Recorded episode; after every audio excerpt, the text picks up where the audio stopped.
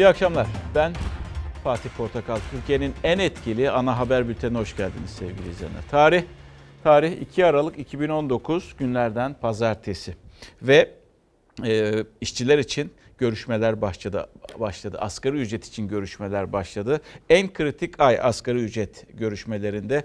Çünkü bu ay içerisinde bugün toplanıldı. Ayın 10'unda bir toplantı var ve ay e, ayın 20'sinden sonra bildiğim kadarıyla bir toplantı olacak. Sonra da e, asgari ücret, yeni asgari ücret yeni yıl için açıklanacak.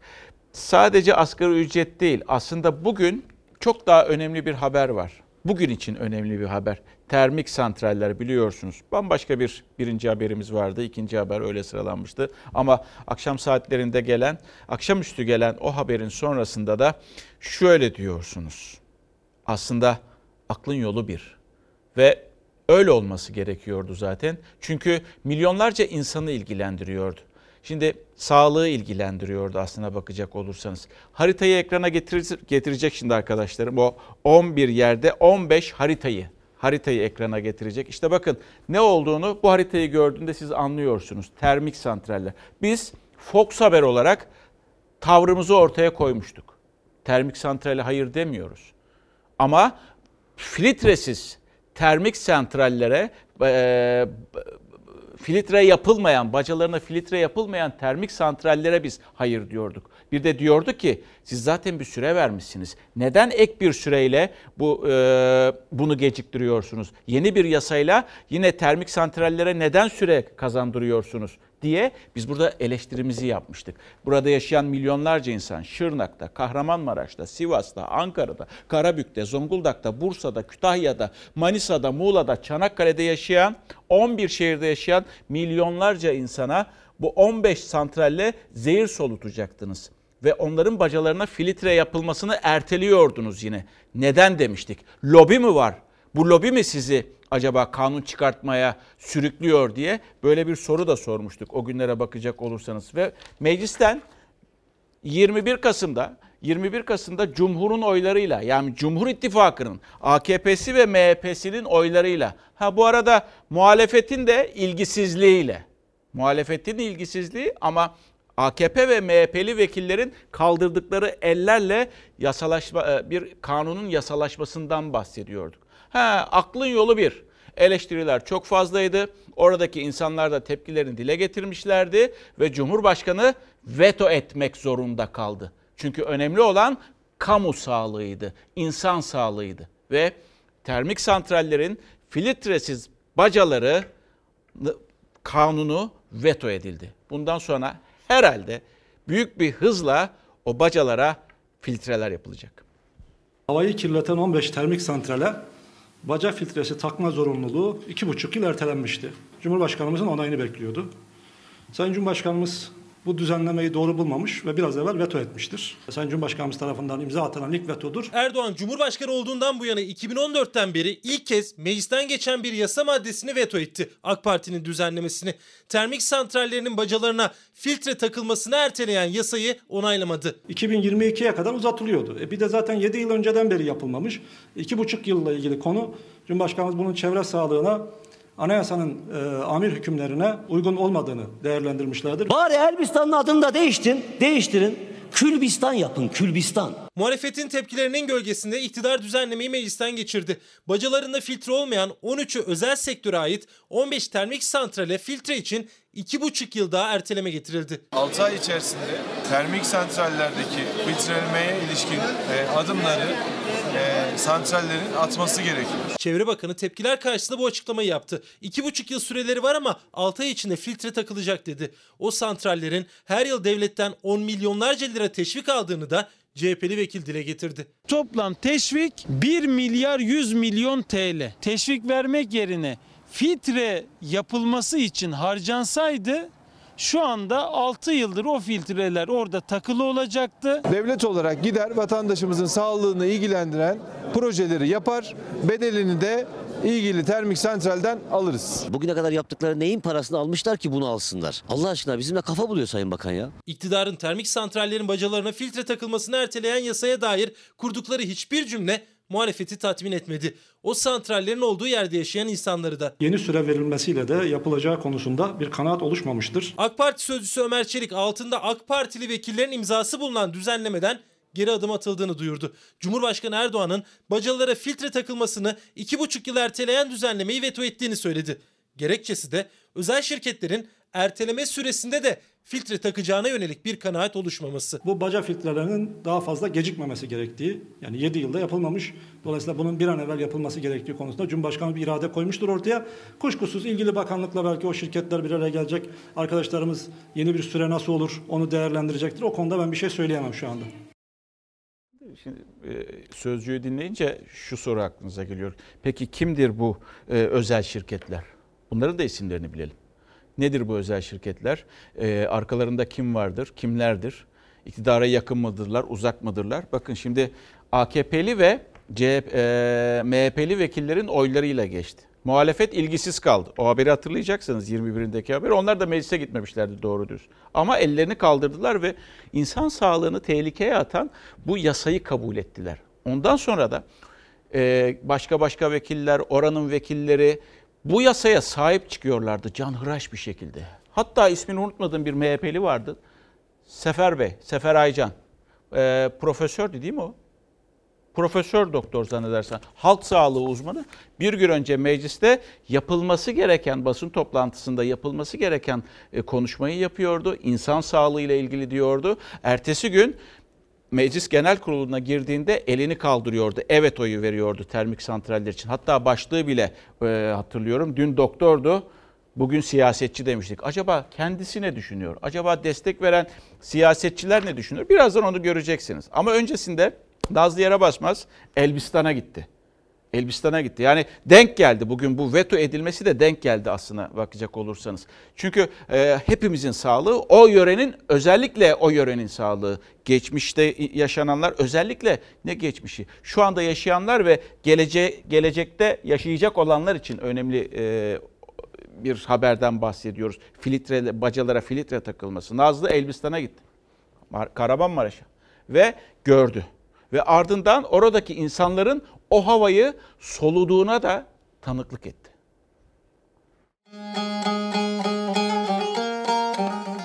Gördüğünüz gibi bunların altında yaşadık. Doğmuşlarımız değil, geçmişlerimiz değil, doğacaklarımız da hep zehirlendi buradan. Yaşamak biz ölümü bekliyoruz yani.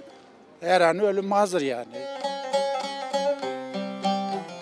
Aşık Mahsuni Şerif'in Mihriban türküsünün şairi Abdurrahim Karakoç'un doğduğu topraklarda Kahramanmaraş'ın Afşin ilçesindeyiz. Ozanlar diyarında türkülerde sevda sözlerinin yerine termik santrallerle ilgili satırlar var artık. Duman çökmüş Elbistan'ın yazıya Yeşil ot yok koyun ile kuzuya Hastalık çoğaldı kaldık sızıya Gökyüzüne hasret Afşin Elbistan Afşin ve Elbistan, Kahramanmaraş'ın iki ilçesi. İki ilçenin tam ortasında iki termik santral var. O iki termiğin ortasında da Çoğulhan Mahallesi.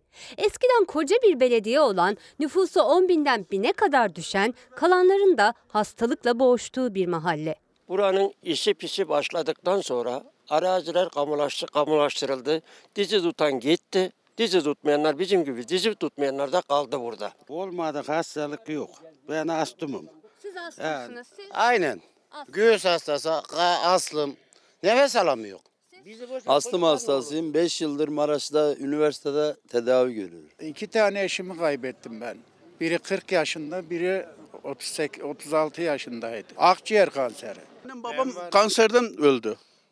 İkisi de kanserden öldü birer ay arayla. Annem astımdan, e, kovadan öldü, vefat etti. Ben de hepimizde yani %90'ında astım hastalığı var. Başınız sağ olsun. Yani aslında sormam gereken galiba hasta olmayan var mı diye sormam gerekiyor. Doğru, doğru laf. Doğru evet. Gençlerimize veremiyoruz. Çocuklarımıza kız veren de yok. Orada kanser hastalığı çok diye. Kızlarımızda da alan yok. İki santral arasında kalan Çoğulhan köyünün her noktasından dumanlar görünüyor. Cami avlusundayız, arkamızda duman. Meydandayız, arkamızda yine duman. Ara sokaklarında yürüyoruz, arkamızda yine duman. Manzara İşte böyle. 35 yıllık santral şu anda buradaki. Ömrünü tamamlamış sayılmıyor mu? Bitmiş şu anda bitmiş yani. Buraya geldi Enerji Bakanı köyü kaldırıyorum dedi. Söz verdi. Oy aldı gitti. Buralar hiç sorduğu yok, ettiği yok. Bitti yani hepsi. Santral umut ettikleri iş kapısı olmadığı gibi binlerce pompayla Ceyhan'ın suyunun yönünü değiştirdi. Ellerinde kalabilen tarım arazilerini de verimsizleştirdi. Yani Çoğulan filtresiz bir termik santralin insan ve çevreyi nasıl etkilediğinin canlı bir örneği aslında. Buradan Ankara'daki yetkililere sesleniyoruz. Makamlar için, mevkiler için, para için kendi hırsları uğruna bu memleketi yok etmesinler. Bu memleketin yok olmasına asla göz yummasınlar. Tabii bu bir Türkiye'nin gelir kaynağıdır. Ama ki bizim günahımız ne? Biz Allah kulu değil miyiz? İşte sadece Elbistan'da yaşanmıyor. Kahramanmaraş Elbistan'da yaşanmıyor. Afşin Elbistan'da bu sorun. Türkiye'nin diğer 10 yerinde de toplamda 11 yerinde yerleşim yerinde yaşanıyor bu sorun. Soner Daba ile birlikte Afşin Elbistan'daydı ve oradaki santralin halini gösterdi size ee, Nazlı. Sonra da o, oraya en yakın mesafede yaşayan insanların e, yaşadıklarını anlatmaya çalıştı. Bakın biz ilk günden itibaren 21 Kasım'dan itibaren e, tavrımızı ve e, söylenmesi gerekeni söyledik. Çünkü halkın sağlığı ile ilgili. Çünkü sigarada ne o kadar büyük bir komediydi ki e, o tütünde sigarada otomobil içerisinde içilmesine yata, yasak getiren halk sağlığı, kamu sağlığı için yasak getiren iktidar kitlesel e, ölümlerin önünü açıyordu. Kitlesel rahatsızlıkların önünü açıyordu bu yasayla. Bakın bir vatandaş ne demiş? Termik santraller için veto edilmesine sevinen Cumhurbaşkanı övgüler sunan vekiller eğer veto edilmeseydi yine sevinip öyle sunacaklardı. Aklın yolu bir demiş. Hangi amaçla siz bunu kabul ettiğiniz vekiller? MHP'li vekiller ve AKP'li vekiller. Çok merak ediyorum. Cumhurbaşkanı aklı neredeydi? Yani siz bunu kendi özgür iradenizle mi hazırladınız bu yasa teklifini? AKP'li ve CHP'li vekil, e, AKP'li ve MHP'li vekiller. AKP'liler hazırladı diye biliyorum. Siz bunu kendi özgür iradenizle mi hazırladınız yoksa birileri size hazırlatıp size verip ardından mecliste oylamanızı mı istedi? Şimdi hangi yüzle bakacaksınız insanların suratını? Sizin genel başkanınız veto etti. Çıkartmış olduğunuz halk sağlığını kötüye götürecek bu yasayı sizin utanmanız gerekir. Sayın vekiller. Bu çıkarmış olduğunuz yasadan dolayı. Şimdi ben çok merak ediyorum. O MHP'li vekil, Mahir Bey, Kahramanmaraş vekilleri. Şimdi ne demeyi düşünüyorsunuz acaba? Ne diyeceksiniz veto için? Ama siyasetçisiniz. Eminim ki her soruya bir yanıtınız olacak.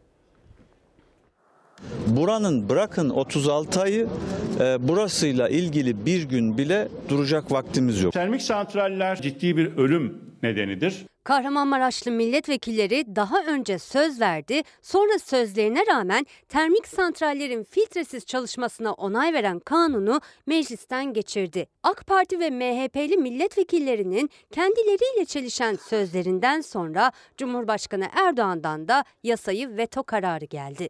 Gerekli tedbirler alınmazsa burası kapatılsın e, talimatını verdi Cumhurbaşkanımız. Astım ve akciğer kanseri gibi çok ciddi sağlık sorunlarına sebep olmaktadır. Bu hastalıklar aynı zamanda ciddi bir ölüm nedenidir. Kahramanmaraş'ın tek MHP'li milletvekili Sefer Aycan, bir tıp doktoru, halk sağlığı uzmanı. Oylamadan sadece bir gün önce kürsüde termik santral ölüm saçıyor demişti. Bir gün bile filtresiz arıtma tesisi olmadan çalışmasına müsaade edilmemesi gerekir. Grubumuz bir karar verdi. İşletmelere bir süre verip denetimleriyle ilgili bir süre var biliyorsunuz. Grubumuz o maddeyi destekledi. Bizim asla rızamız söz konusu olamaz. Çalıştırılması gerekliliği sonucu ortaya çıkmıştır. Bir başka vekil AK Partili Mahir Ünal, Elbistanlı, aynı zamanda AK Parti Genel Başkan Yardımcısı. Daha önce Cumhurbaşkanı Erdoğan'la da görüştüğünü ve santralin gerekirse durdurulacağını açıklamıştı. Buranın bırakın 36 ayı e, burasıyla ilgili bir gün bile duracak vaktimiz yok. Çünkü bizim için çevre kirliliği ve vatandaşlarımızın sağlığı milletvekilleri olarak bizim birinci önceliğimiz. Ama o birinci öncelik yani halk sağlığı 5 ayda gitti. Yerini ne olduysa başka önceliklere bıraktı. AK Parti termik santrallere filtresiz çalışma izni verilmesine evet oy verdi. Genel Başkan Yardımcısı ise tekrar Kahramanmaraş'ta ama bu kez çok farklı sözlerle hemşehrilerinin karşısındaydı. Görmemiz gereken bir şey daha var arkadaşlar. O da nedir? Burada çalışan insanların işsiz kalması durumunda 10 bin kişinin üzerinde insan etkilenecek. Artı devletin 19 milyar 200 milyonluk bir doğal gaz alımı yapması gerekiyor. Türkiye'nin elektrik ihtiyacı açısından gerekli tedbirleri alarak çevreye zarar vermeden çalıştırılması gerekliliği sonucu ortaya çıkmıştır. E, veto edildi. E, AKP'li ve e, MHP'li vekillerin oylarıyla birlikte kabul edilen yasa. Ondan sonra da Cumhurbaşkanı ha Cumhurbaşkanı bir de şu soruyu sormak gerekiyor. Bugün itibariyle veto etti de Cumhurbaşkanı bu yasadan haberi var mıydı yok muydu meclise geldiğinde? AK Parti Genel Başkanı olarak. Hem çünkü AKP'nin genel başkanı hem de Cumhurbaşkanı. Olmaması mümkün mü? Yok, vardı. Çünkü bunun sağlıksız bir yasa olduğunu insanlar dile getirdiler. Halktan tepki çoktu. Buna karşı direnmeleri mümkün değildi. Ve e, işte e, Cumhurbaşkanlığı İletişim Başkanlığından bir açıklama var. İşte, e, konuyu özetliyor. Ardından da veto edildiğini söylüyor. Mevzuata uyum sağlama ihtiyacından kaynaklandığını yaklaşık 7 yıllık geçiş süreci uyum için yeterli olmasına rağmen incelenen ve kanunla bu sürenin nihayetinde 2,5 yıla kadar uzatılması devletin insan sağlığı ve çevreyi koruma ödevi ile bağdaşmayacağından dolayı diyor. Ha günaydın. Günaydın. Ee, başka türlü bir şey de denmez. Ya bu ülke şunu gördü. Bakın yönetenler böyle de bir de bu ülkenin bazı kanallarında bacasız, özür dilerim filtresiz e, üretimin yapılabileceğini çünkü e, üretimin önemli olduğunu, ülke ekonomisi için çok önemli olduğunu, ha işsizliğin artacağı, Türkiye'nin elektriksiz, elektriksiz kalacağı burada söylendi. Bu ülkenin e, haber kanallarında insan sağlığı gözetilmeden ve işte Cumhurbaşkanlığı İletişim e, Başkanlığı'nın açıklaması da ortada. Kamu sağlığı, insan sağlığı çok çok önemlidir diyor. E arkadaş siz bunu getirirken Türkiye Büyük Millet Meclisi'ne genel kurulunda komisyon, genel kurul görüşürken hiç mi aklınıza gelmedi insan sağlığı? Şimdi aynı duyarlılığı siyanürle altın arıyorlar ya. Kaz Dağları'nda olsun, farklı farklı yerlerde olsun aynı duyarlılığı göstermeniz gerekiyor. Aynı duyarlılığı çevre için HES'lerde de göstermeniz gerekiyor. Bakalım o samimiyeti gösterecek misiniz, göstermeyecek misiniz? Aynı duyarlılığı hükümetin ortada durup hükümetin ortada durup e, bir hakem gibi görev yapıp asgari ücrette de göstermesi gerekiyor. Bugün görüşmeler başladı. 2 Aralık itibariyle görüşmeler başladı ve 2 Aralık görüşmeleri itibariyle de şu anda net bir durum yok. Ama önümüzdeki günlerde bu durum netleşecek. Nasıl netleşecek? Çünkü iki toplantı daha yapılacak ve yeni askeri ücret 2020 yılında belli olacak. Peki kim ne diyor? Masada 3 3 taraf var. Biri hükümet, bakanlık ama tarafsız olmak zorunda. Hanımefendinin de tarafsız olması gerekiyor. Açıklama bu. Temel mesele dedi, istihdamı korumak ve arttırmak olmalı. Yani işsizlikle tehdit ediyor. Yani işte fazla istemeyin işsi, işçi tarafına fazla istemeyin. İsterseniz e, istihdamı koruyamayabiliriz. Amacımız daha da arttırmak. Bu şekilde net bir şekilde net cümleyi kurmuyor ama aba altından sopa gösterebiliyordu bu cümlesiyle. Ha bir de TİSK'in açıklaması var. Siz bakan olarak bu açıklamayı yaparsanız TİSK de işveren e, konfederasyonda resmen tehdit eder. Bakınız şimdi cümleye. Ücret artışı kadar işin kendisinin yani istihdamın korunması da mühim. Genç işsizliği 27.4 seviyelerine çıkmıştır. Rekor seviyeye gelen işsizliği indirebilmek için makul ve dengeli bir asgari ücretin tespit edilmesi elzemdir. Asgari ücret tespit komisyonunun ilk toplantısında Çalışma Bakanı da işveren temsilcisi de asgari ücretlinin zam beklentisine karşı istihdamın altını çizdi. Türk İş tepki gösterdi. İşsizlik rakamları Ağustos ayı itibariyle %14 seviyesinde. 2019 sonu beklentimiz ise 12,9. Önceliklerimizden biri istihdamı korumak ve daha da arttırmak. Hükümetin ağırlıklı olarak işveren kesimiyle birlikte tutum aldığı görülmektedir. Unutulmamalıdır ki işletmelere yansıyacak olumsuz etkiler çalışanlarımızı da aynı yönde etkileyecektir. İnsanların çaresizliği ve işsizliği asgari ücreti düşük belirlemenin gerekçesi yapılmamalıdır. Yaklaşık 8 milyon işçinin gözü kulağı asgari ücret tespit komisyonunda ilk toplantı patron ve işçi arasında orta yolu bulması beklenen Çalışma Bakanlığı'nda yapıldı. İşçiler adına yetkili konfederasyon Türk İş, işveren adına da TİSK oturdu masaya. Masada disk ve hak iş yok ama 39 yıl sonra bir ilk 3 konfederasyon kendi içinde bir araya geldi ve Türk İş ortak belirlenen rakam üzerinden pazarlıkları sürdürecek. 2578 lira yaşam maliyeti öyle mi? Yaşam maliyetin altında falan hiçbir işe oturup konuşmayız. 2019'da %26 zam almıştı asgari ücretli. Maaşı net 2020 lira oldu. 2020 yılı içinse kapıyı 2578 liradan açtı Türk İş Başkanı. İlk toplantıda taraflar zam oranına ilişkin bir talep dile getirmedi ama işveren destek istedi. Asgari ücret desteğinin 2020 yılında 200 TL olarak devam etmesini, SGK işveren desteğinin %5'ten 6'ya yükseltilmesini, vergi yüklerinin tekrar gözden geçirilmesini talep ediyoruz. Devlet kendi aldığı maktu vergilere, harçlara ve para cezalarına %22,58 oranında zam yaptı. Onun üstüne de büyüme hedefi olan %5 kadar da bir ilave yapacaksınız. İşverenin yükünü de almak kaydıyla asgari ücret en az 2850 TL olmalı. Devlet asgari ücretten en az vergi almalı. Sigorta primleri 2 yıl süreyle yarıya indirilmeli. 2020'de yüzler gülmeli. CHP harçlara yapılan zam artı %5 büyüme dedi. MHP'li Cemal Engin Yurt asgari ücretin 2850 lira olmasını istedi. HDP ise 3000 lira. Asgari ücret zam pazarlığında gözler 10 Aralık'ta ikinci toplantıda. Hükümetin burada aslında tarafsız olması gerekiyor. Hakem pozisyonu hakem. İşverenle işçi anlaşacak. Ama siz bakan olarak bu şekilde bir cümle kurarsanız iş, işverenin arkasında olduğunuzu gösterirsiniz hanımefendi. Size akıl verecek pozisyonda değilim. Öyle haddime de değil zaten. Ama sizin tarafsız olmanız gerekir. Siz böyle derseniz karşı taraf işveren emek sömürüsüne döndürür. Siz diyorsunuz ki e, önemli olan diyor istihdamı korumak ve gerekirse arttırmak. Yani şunu demek istiyor fazla asgari ücreti yüksek tutmayın işçi kesimine yoksa ben diyor e, tutamam işvereni halinize şükredin demeye getiriyor. Sizin böyle deme hakkınız yok. Lütfen bu cümleyi düzeltiniz. Çünkü eğer düzeltmezseniz 7,5 milyon civarındaki asgari ücretle çalışan insanlara haksızlık edersiniz. Siz böyle böyle bir cümle kurduğunuz için işveren temsilcisi de şunu diyor. Tehdit ediyor cümlesi şu. işverene yansıtılacak olumsuz, işverene yansıtılacak olumsuz etkiler çalışanları da etkiler diyor. Tehdit ediyor. Evet şu anda şöyle yapıyorsunuz değil mi? Evet çünkü bakan bu cümleyi kurdu. Bakan o cümleyi kurunca işveren duyuyor ve kendisi de belki cümlesinin içerisinde yazılı metnin içerisinde olmayan bir bölümü paylaşma cesaretini gösterebiliyor. Dedim ki size 7,5 milyon asgari ücretliden bahsediyoruz. 7,5 milyon aileleriyle birlikte hesap edin zaten 20, 20'nin üstündedir. Peki şimdi şöyle 30 milyondur belki tam bilemiyorum ama 7,5 milyon üzerinde olduğu tahmin ediliyor asgari ücretle çalışanların. Bakın ortada bir soru işareti var.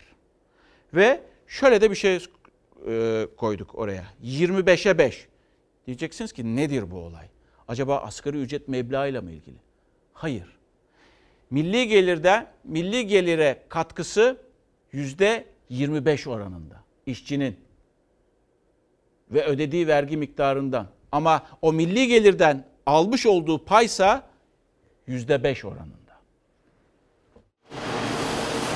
Vergiler çok fazla. Dolaylı olarak da asgari ücrete de yansıyor. Devasa bir şekilde yüküme sorarsanız yükleyecek de eminim. Asgari ücretli zaten biliyor da sırtındaki ağır vergi yükünü rakamlar daha net ortaya koyuyor. Yıl boyunca her ay 700 lira vergi ödedi asgari ücretli çalışan aldığı 2020 liranın üçte biri kadarını da devlete veren asgari ücretli 2019'un tek başına vergi rekortmeni oldu. Asgari ücretli kişi başına yaklaşık 700 lira vergi ödüyor.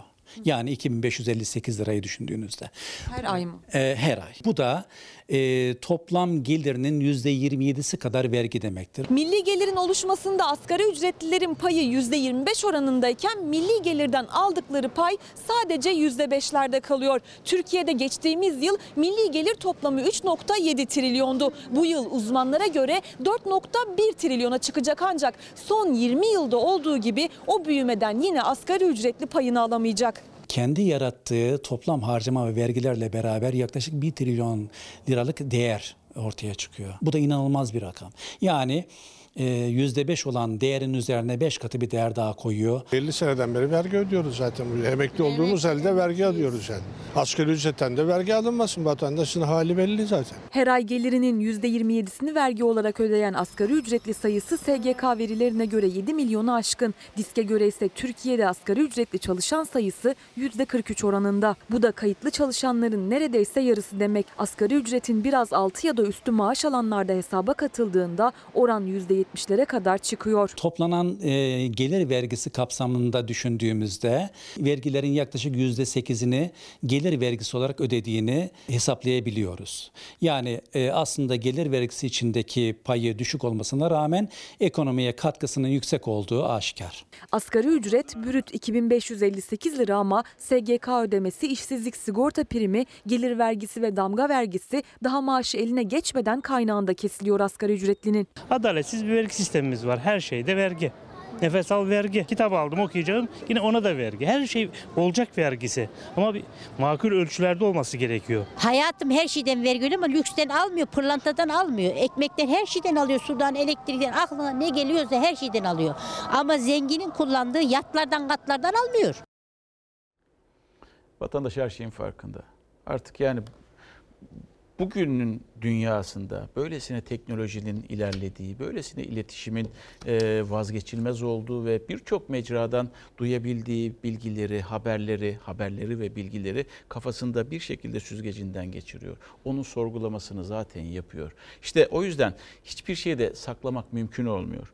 Bir vatan, ha şunu da söyleyeyim. Termik santrallerle ilgili vardı az önce meclise geri gönderdi. Büyük bir ihtimalle hızla yapılması yönünde bir e, karar çıkacağını biz düşünüyoruz. Böyle bir düzenlemeye gidileceğini tahmin ediyoruz artık. Kamu ve halk sağlığından bahsediyor. Halk sağlığı, insan sağlığından bahsediyor çünkü Cumhurbaşkanlığından yapılan açıklamada bunların Fox Haber, Fox Haber olarak yapılıp yapılmadığını, bacalara ivedilikle filtrelerin yapılıp yapılmadığını kontrol edeceğiz. En azından bu kamu görevini de yerine getireceğiz. Bakın Ufuk Bey şöyle diyor, mantıksız değil, aklın yolu bir, meclisten geçirip tansiyon ölçüyorlar. Tepkiler yükselince veto ediyorlar. Katılıyorum buna. Ve Cumhurbaşkanı'nın bu kanundan, Sayın Erdoğan'ın bu kanun taslak halindeyken haberin olmadığını hiç düşünmüyorum zaten. Baktılar insanlardan ses geliyor. Kendi oy aldıkları mecralardan ses geliyor. O insan, yurttaşların e, sesini ekranlara getiriyoruz. Bizden başka kim vardı ki? Çok da fazla yoktu herhalde o insanların sesini getiren, e, duyuran Türkiye'ye. Ve bu şekilde ancak e, kamuoyunun baskısıyla bunun veto edildiğini düşünüyorum. Umarım bundan sonraki adımlarınızı gerçekten insan sağlığını ve kamu sağlığını düşünerek yaparsınız. Ve şimdi o vekillerin mesela o Mahir Bey'in, e, e, e, MHP'li vekilin, e, Kahramanmaraşlı vekillerin kim attı? Ha Mahir'in bu veto olduktan sonra Erdoğan'a teşekkür tweet'i atıyor. Ya peki veto, veto edildi diye. Ya neden peki bunu e, yasa olarak çıkartıyordunuz peki?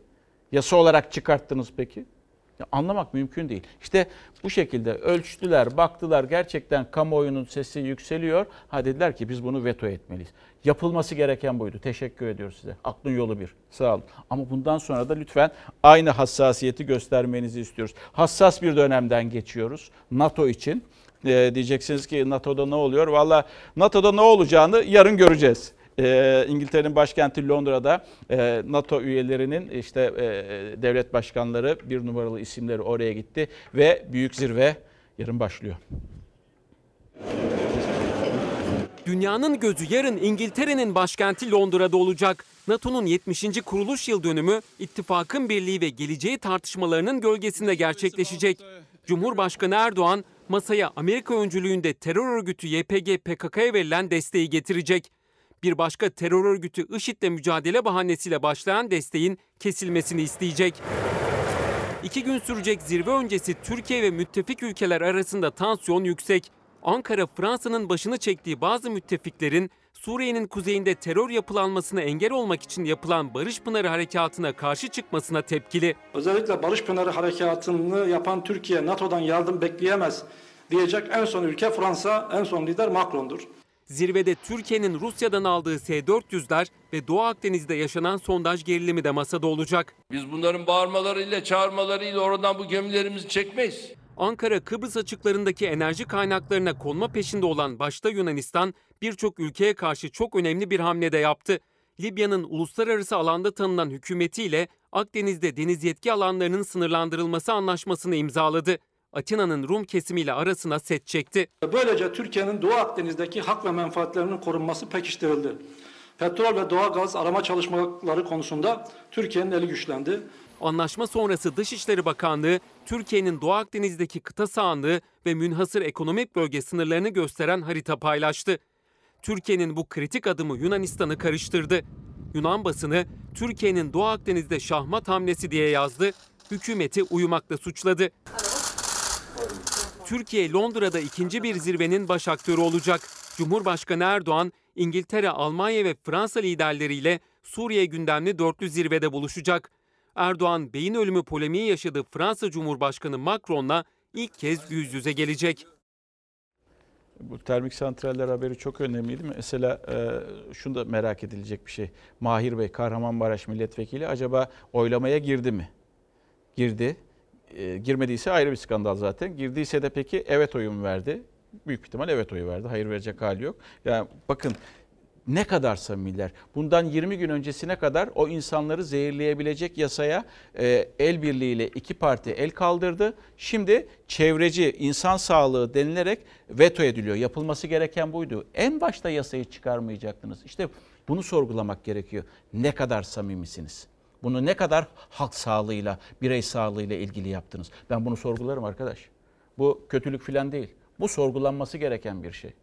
Ve geldik sorgulanması gereken başka bir kişiye 15 Temmuz'un kaçırtılan e, kilit ismine.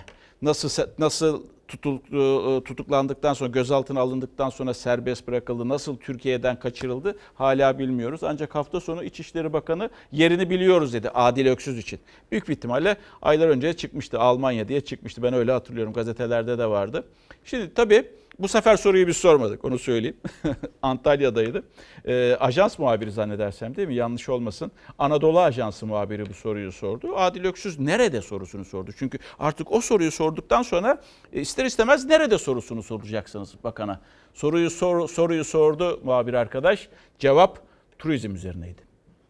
Adil Öksüz Almanya'da mı? Net bir şey söylememek gerekir ama Almanya'da Biliyor musunuz olduğu, nerede olduğunu? Alma biliyoruz. Nerede saklandığını bildiğini de itiraf ediyor. Biliyorsan neden bunu apar topar almıyorsun? Tabii ki yer söyleyemeyiz. O bilginin tabii ki bir devlet bilgisi olarak e, orada yürütülen mücadelenin hassasiyeti bakımından paylaşılması doğru olmaz. Bir an önce Adil Öksüz'ün yakalanarak Türkiye'ye getirilmesini ya da iadesinin sağlanmasını bekliyoruz. FETÖ'nün kara kutusu firari Adil Öksüz için İçişleri Bakanı Süleyman Soylu nerede olduğunu biliyoruz dedi. O net sözleri sonrası muhalefet neden yakalanmıyor diye ses yükseltirken AK Parti sözcüsü Ömer Çelik konuştu. Bakan Soylu'nun Adil Öksüz sorusunu gülerek geçiştirmesi de tepki çekti. Adil Öksüz'ün yeni bildiğiniz belirtmiştiniz. Antalya'daki turizm sayısı 15 milyonu aştı. Bundan daha güzel bir haber var mı? Hadi bakalım.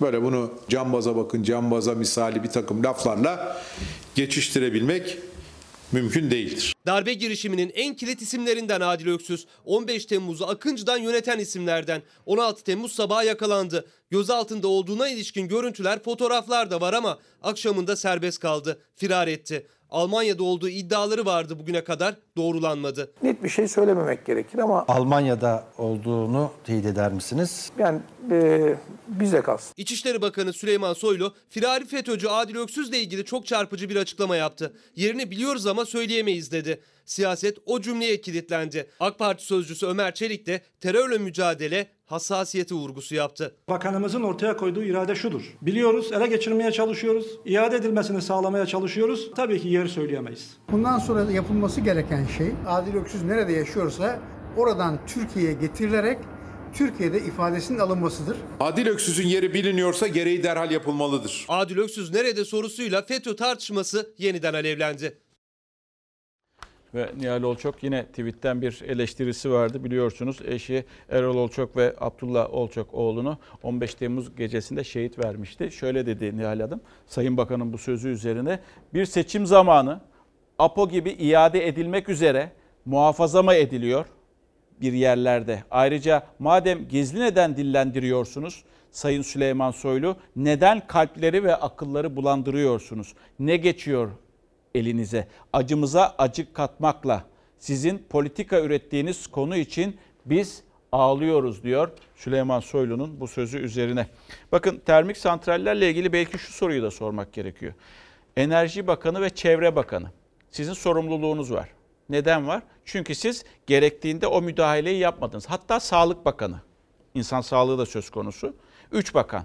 Siz neden gerekli zamanlarda gerekli adımları termik santrallerin bu geçen yasası Cumhurbaşkanı veto ettiği bu yasa için kullanmadınız yetkinizi?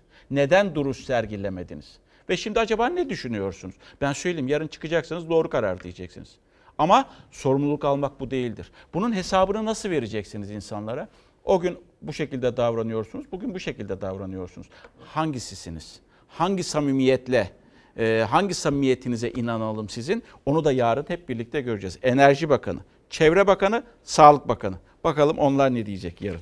Geldik Sağlık Bakanı demişken cezaevinde bir siyasi lider var biliyorsunuz Selahattin Demirtaş ve 26 e, Kasım'da e, rahatsızlanıyor. Daha sonra da 7 gün boyunca ses çıkmıyor. Kardeşi avukat kardeşi duyuruyor. Abim hasta diye. Müvekkilimiz hasta diye, hastaneye sevk edilemiyor diye ve Selahattin Demirtaş için bugün o atılan e, tweetler sonrasında savcılıktan bir açıklama geldi. Baktığınızda şöyle bir bakıyorsunuz ardından da şunu söylüyorsunuz. Tedavi alma hakkı engellenmiş.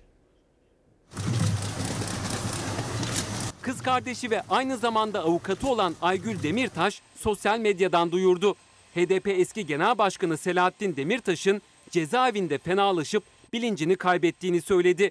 İddiasına göre cezaevi doktoru hastaneye sevk edilmesini istemiş ancak bu talep 7 gün boyunca cevapsız kalmıştı.